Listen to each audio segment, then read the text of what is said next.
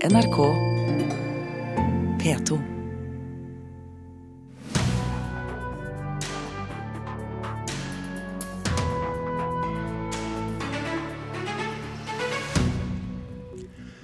Kjendisene står i kø for å støtte Hillary Clinton til valget, men det er usikkert hvilken effekt det har.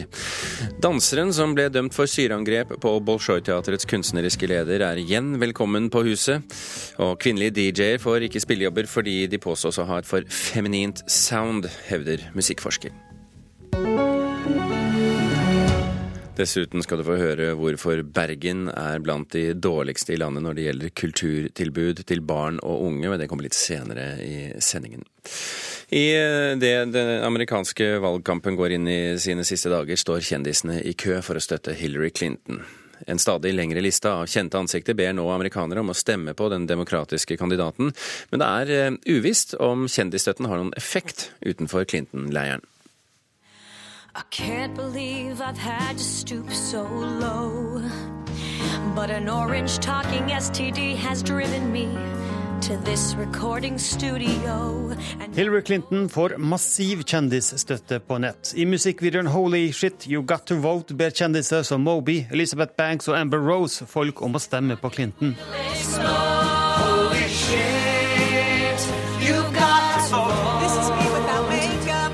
Medan Girls-skaper Lena Dunham har laga video.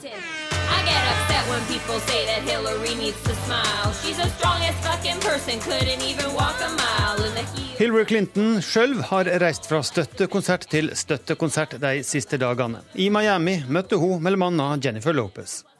Ladies and gentlemen, the next and first female president of the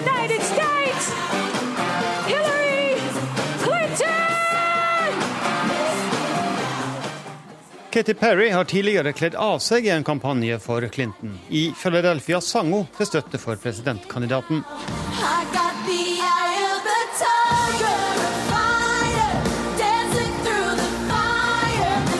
Og I Cleveland var det Beyoncé og Jay-Z som viste støtta si til Clinton.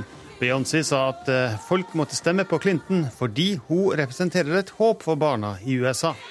We have to think about the future of our daughters, our sons, and vote for someone who cares for them as much as we do. And that is why I'm with her. Og Jay-Z følger opp med at språkbruken til Donald Trump er splittende, og viser at han ikke er den rette mannen til å leie landet. And this other guy, I don't, I don't have any ill will towards him, but his conversation is divisive, and that's not an evolved soul to me. So he cannot be my president. He cannot be our president. Men i Trump-leiren avviser de at slik kjendisstøtte vil ha stort å si for valget. Og under et valgmøte i Florida ba Trump Jay-Z om å passe sin egen språkbruk. He used language last night that was so bad. And then Hillary said, I did not like Donald Trump's lewd language. my lewd language. I tell you what, I've never said what he said in my life. Førsteamanuensis ved Bjørknes høgskole, Hilde Eliassen Restad, tror Clinton-læren for det meste snakker til egne velgere når de bruker kjente personer i valgkampen. Jeg tror jo Clinton-kampanjen bruker en del av de her kjendisene bevisst for å mobilisere egne velgere. Eh, Men det kommer nok sikkert ikke til å overbevise så mange Trump-tilhengere akkurat. Og det er ikke overraskende at det er Clinton som får den amerikanske underholdningsindustrien si støtte. For det første så har jo Hollywood et veldig liberalt rykte, og blir jo ofte snakka litt nedsettende om i, i mer konservative sirkler, politisk sett. Og om det funker, det får vi vite natt til onsdag.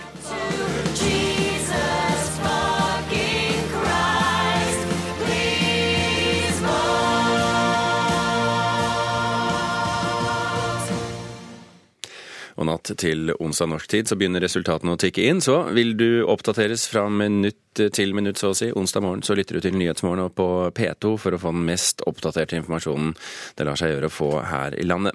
Reporter her, det var Espen Alnes. Så skal vi ta turen til Moskva.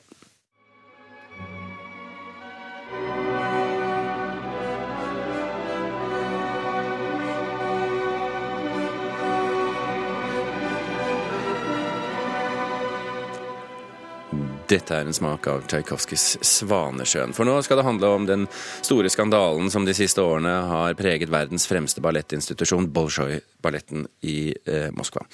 Teaterets stjernedanser Pavel Dmitrisjenko, eh, husker du kanskje, ble i 2013 dømt til seks års fengsel for å ha planlagt et syreangrep på den kunstneriske lederen ved teatret. Sergej Filin fikk alvorlige brannskader i ansiktet og øynene da han fikk kastet syre i ansiktet, og nå har eh, Dmitrisjenko sluppet tidlig ut av fengselet.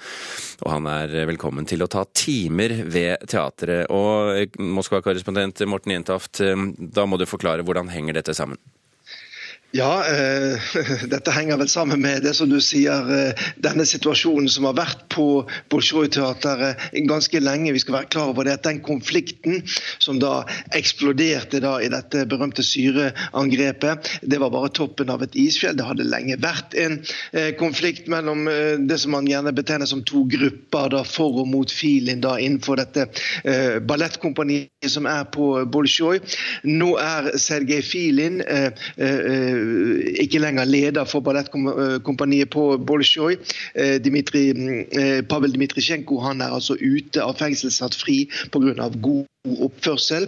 Og Han har da møtt den nye sjefen på Bolsjoj, Vladimir eh, Orin, og fått tillatelse da til å være med på denne morgentreningen på Bolsjoj. Eh, det er altså en slags sånn oppvarmingtrening som er åpen for, eh, for danserne på Bolsjoj. Og ifølge eh, Katarina Novikova, som er pressetalsmann for Bolsjoj, så betyr dette overhodet ikke at um, er uh, tatt inn igjen i, i, i, dansekompaniet. Men uh, man har altså satt uh, døren på gløtt for ham, og det er jo selvfølgelig noe som blir lagt merke til. Men dette kan da ikke bare gå helt upåaktet hen, hadde jeg nær sagt? Nei, det er klart at det har jo vakt uh, oppsikt. Uh, meldingen om dette kom jo tidligere i høst, at uh, Mitritsjenko hadde fått et såkalt adgangskort da, til, til Bolsjoj.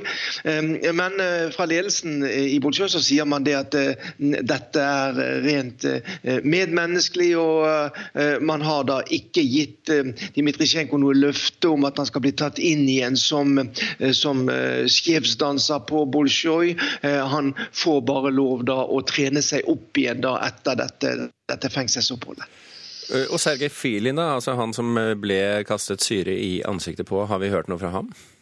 Eh, han har ikke kommentert eh, direkte da, dette at eh, Dmitrisjenko nå er å se i de lange korridorene på Bolsjoj. De to skal visstnok ha møttes, da, så vidt det har vært eh, ifølge ryktene her. da. Men Filin sa jo før Dmitrisjenko ble satt fri fra fengsel at han fryktet for sitt liv hvis så skjedde. Men eh, foreløpig så har jo da eh, ikke skjedd noe. Filin har jo en jobb som en slags utviklingssjef for unge ballettalenter på, på Bolsjoj akkurat nå. da. Så eh, sånn som det ser ut nå, da, så må de to da være forberedt på at de da må omgås da i, i, i, på Bolsjoj-teatret her i Moskva. Hvordan er stemningen på Bolsjoj, tror du? Eh, det er klart at Dette var jo som jeg sa, en konflikt da, der eh, Filin da ble beskyldt av veldig mange innenfor dette enorme ballettkompaniet for å favorisere sine favoritter i eliten i kompaniet, mens Dmitrisjenko var en tøff uh, fagforeningsmann da, som prøvde å se hele dansegruppen som ett, og også forsvarte de mindre kjente danserne og mente at ressursbruken på Bolsjoj var helt feil. da Nesten alle ressurser bare ble brukt på noen få stjerner. Sånn at, så får vi se da om det har endret seg etter at Filin er borte fra den jobben han har, og hva slags plass eventuelt Dmitrisjenko vil få da innenfor, innenfor dansekompaniet på Bolsjoj. Du får følge med for oss, Morten Jentoft. Takk for at du var med på denne mandag morgen.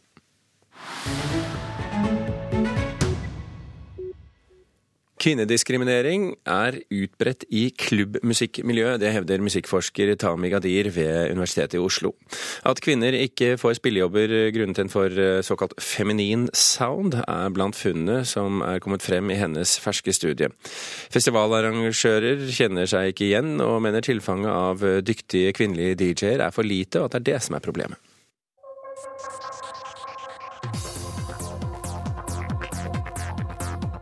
Fins det noe som et kvinnelig lydbilde?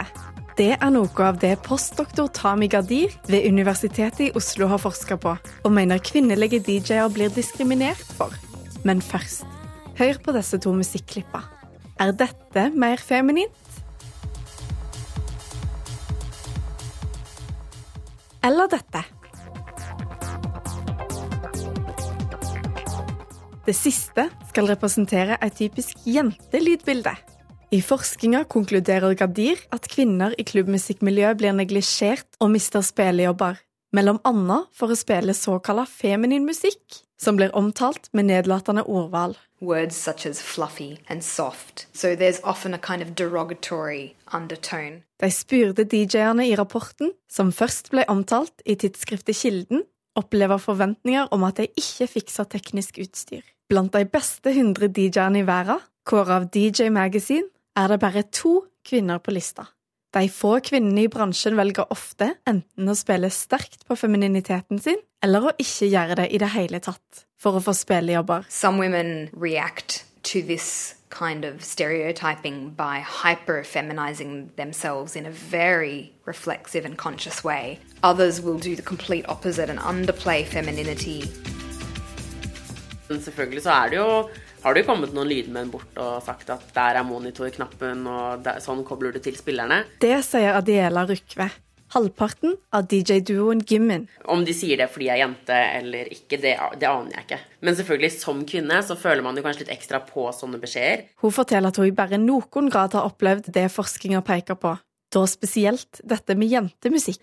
Jeg tror mange kanskje vil kategorisere en kvinnelig DJ og, og, musikksmaken til en kvinnelig DJ som enklere eller mer tilgjengelig. Men selvfølgelig som kvinne så er man jo kanskje enda mer opptatt av å kunne teknikken og kunne spille ordentlig og kunne kalle seg en DJ og vite hva man driver med, da.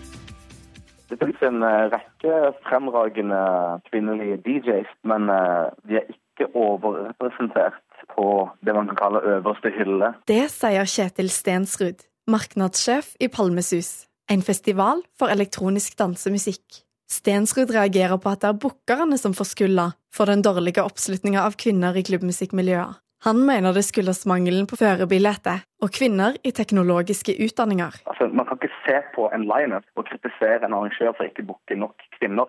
Det, det er å starte i helt feil ende. Man må starte helt fra i rekrutteringsfasen. Så, så, så kjønnet er jo helt underordna. Det er produktet du har, som er det viktige. Og det sa Kjetil Stensrud, markedssjef i Palmesus. Reporter her, det var Ruth Einevold Nilsen. Klokken har passert 15 eh, minutter over åtte. Du hører på Kulturnytt, og dette er toppsaken i Nyhetsmorgen nå.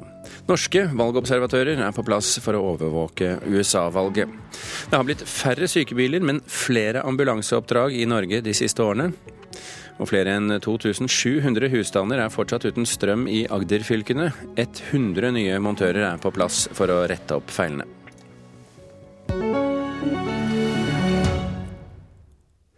Kulturbyen Bergen er blant de dårligste kommunene i landet på kulturtilbud til barn og unge. Det viser den relativt ferske rapporten fra Telemarksforskning som vi fortalte om forrige uke. Bergensere liker å omtale byen sin som en kulturby. De har Festspillene, Nattjazzen, Den nasjonale scene, elektronikabølgen Jan Eggum, Nystemten Grieg og Grieghallen. Men det er for de voksne.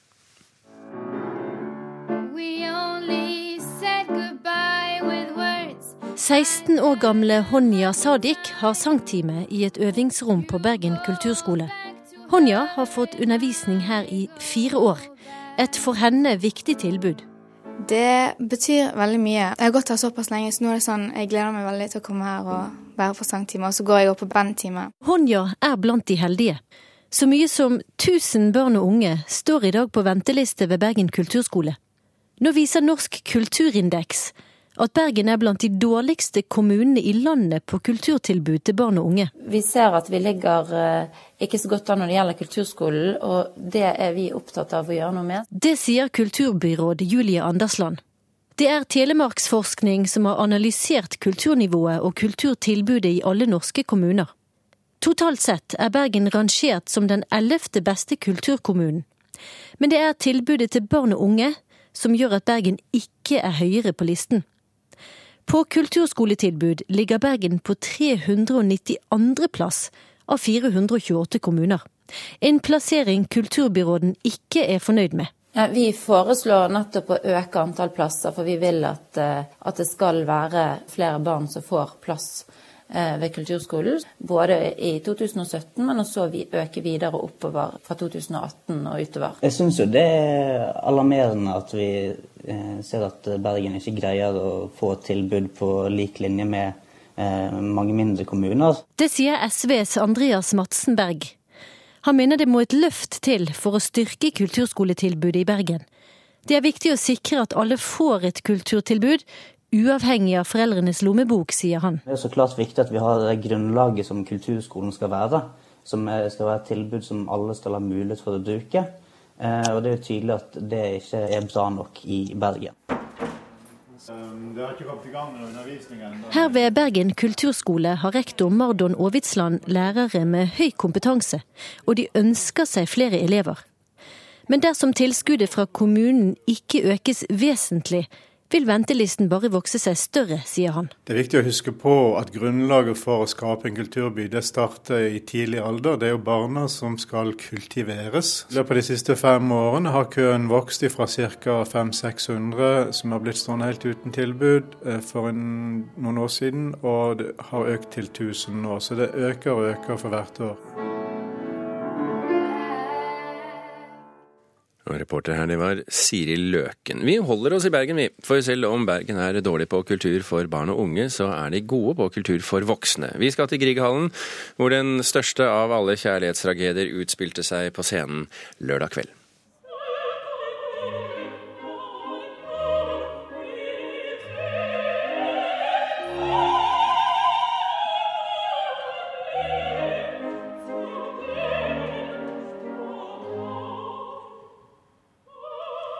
Vi hører her fra Bergen Nasjonale Operas oppsetning av Vincenzo Bellinis opera i Capoleti e i Montecchi, eller The Capulets and the Montagues, som Shakespeare ville sagt.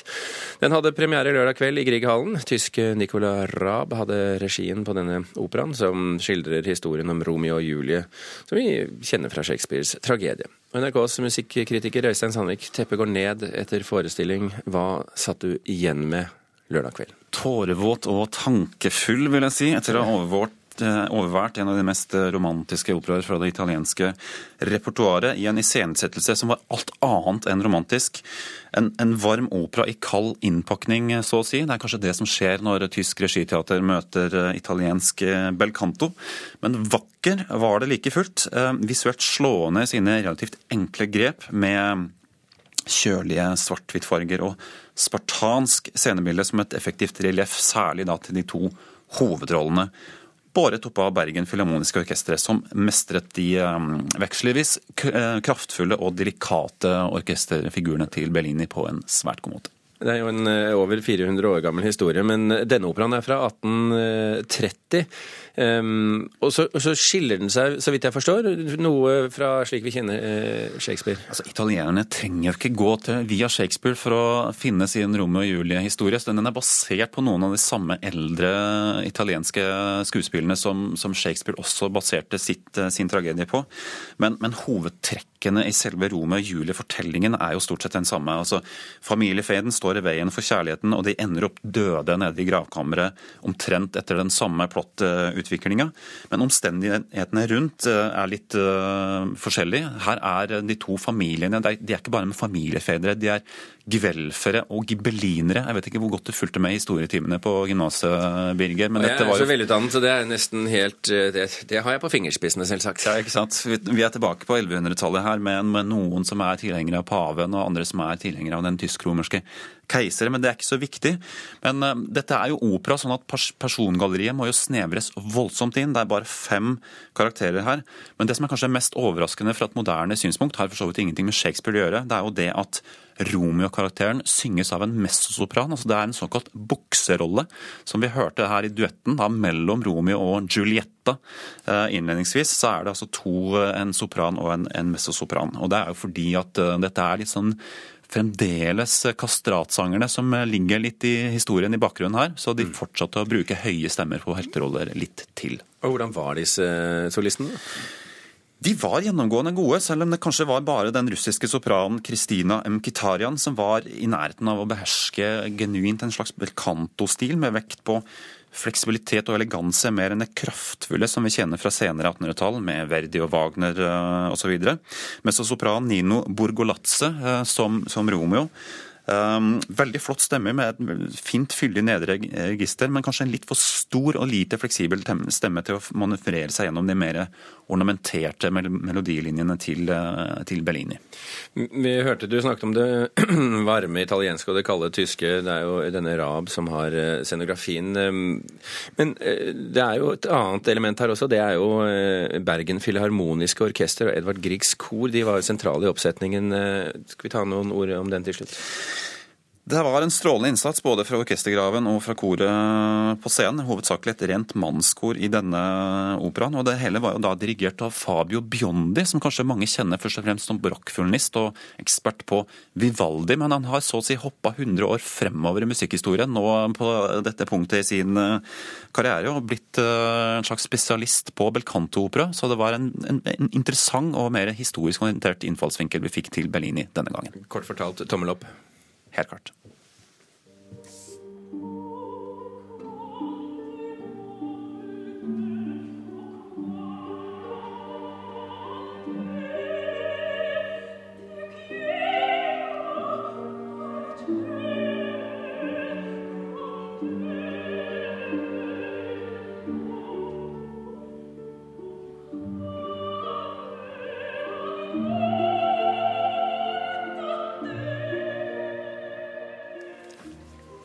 Et uh, bitte lite sprang fra drama i Italia til drama i Innlandet.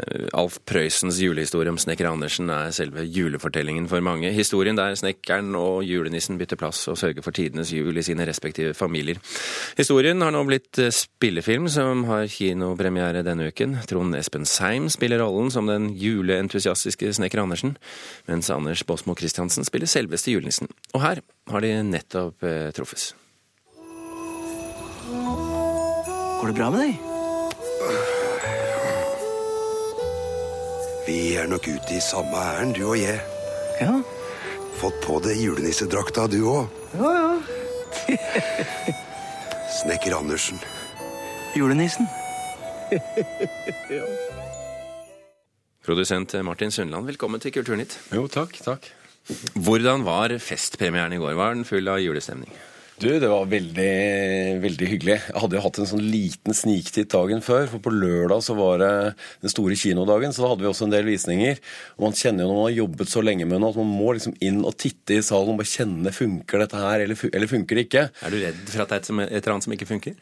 Man er alltid bekymra for det, og jeg kjenner jo særlig når vi på en måte tar eh, kanskje Norges nasjonalskatt, liksom, Alf Prøysen, og får lov å tukle med han. For han hadde jo skrevet en historie som var ti minutter, og vi har jo tross alt laget dette her til en spillefilm, så vi har jo måttet liksom bygge på lite grann da, for å, eh, for å, få det til. Men publikum var strålende fornøyd, både barn og voksne. så det er, var hadde blitt veldig, veldig overrasket hvis du sa noe annet enn det der. Nei, nei, men jeg, det er faktisk ærlig også. altså. De var veldig fornøyd. Det var veldig hyggelig. Men du har eh, tuklet, sier du. Hva har du tuklet? Hvordan har du tuklet? Nei, altså eh, Prøysen har jo, som du sier, altså den, den historien kjenner jo alle. Men den er jo Eh, og Den går jo på NRK hver eneste jul og er ca. ti minutter lang. Så for å bygge ut dette her til en spillefilm, så har vi sittet oss ned og grubla og på en måte prøvd å finne ut litt hvordan vi skal jobbe. Så denne historien begynner jo da en dag før Prøysen sin. Den begynner på, på lille julaften, så vi blir litt mer kjent med familien og hvordan, eh, hvordan, opplegget er til den store dagen. Og ikke minst er den store forskjellen at Prøysen lot oss jo bare få lov å ta del i snekker Andersens besøk hos nissungene. Men eh, vi har aldri fått sett hvordan det gikk når nissen faktisk kom til eh, familien Andersen. Den litt sånn nisseskeptiske familien, forstår jeg? Eh, ja, ungene er vel kanskje bitte grann sånn smålei av fars evige runde på fins nissen, fins han ikke, altså disse tingene her. Sånn, han har jo tre barn i litt forskjellige aldre, hvor han nok minstemann er eh, fremdeles der at det er et eller annet med nissen. Men de to eldste de er nok mer skeptiske, så de skal vel kanskje få seg en overraskelse i løpet av kvelden, da. Ja. Men har du vært redd i løpet av denne prosessen for å begå helligbrødet, så å si? Som jeg sier, det er jo bare en eller annen, Man må jo bare ha en eller annen ordentlig ydmykhet. Og eh, samtidig så må man jo bare gå på og håpe og tro at man gjør det eh, gjør, no, gjør, noen riktige valg. Så I så måte så er vi på en måte ferdig med den mest alvorlige visningen. Den hadde vi lørdag for to uker siden. Da så barna til Prøysen eh, og barnebarn og oldebarn. Eh, og når, når, de sier at dette her var veldig bra, og at de er fornøyd, og også var eh, var på premieren i går og, og, sier det samme, da kjenner vi at da puster vi, mm. uh, puster vi ut. Hvorfor ville du, ville du, lage denne filmen? Det er jo en uh, historie som både jeg og fryktelig mange andre nordmenn har et langt, langt forhold, forhold til. og så satt vi og grubla og lurte på altså, er det noe vi kan gjøre med den. Og jeg synes Sånn som Anders sa i et intervju her også, altså at en kanskje er klar for litt fornyelse. Og med en, en fornyelse av det, så, så, må jeg håpe at vi får denne varme, fine historien også kanskje ut til noen nye generasjoner. da, på en, eh, på en litt ny måte. Men dere må jo ha tenkt på et eller annet tidspunkt at dette er det stor grunn til å tro kommer til å bli en kassasuksess? Altså, man, eh, Film er jo dyrt å lage, eh, selvfølgelig. Eh, og man må jo på en måte prøve å regne et, et prosjekt hjem sånn sett. Om det er folk som, eh, folk som kommer til å, eh, å, se det. Og det, det, vil jo tiden vise, da. Eh, om det funker eller ikke. Men så langt så ser det jo veldig, veldig bra ut. Martin Sundland, jeg ønsker alle lykke til og sånn når de kommer hit med produktene sine i Kulturnytt, også til deg. Kulturnytt er slutt. Thomas Alvarstein Ove og Birger Kolsrud Aasund takker for følget. Hør flere podkaster på nrk.no podkast.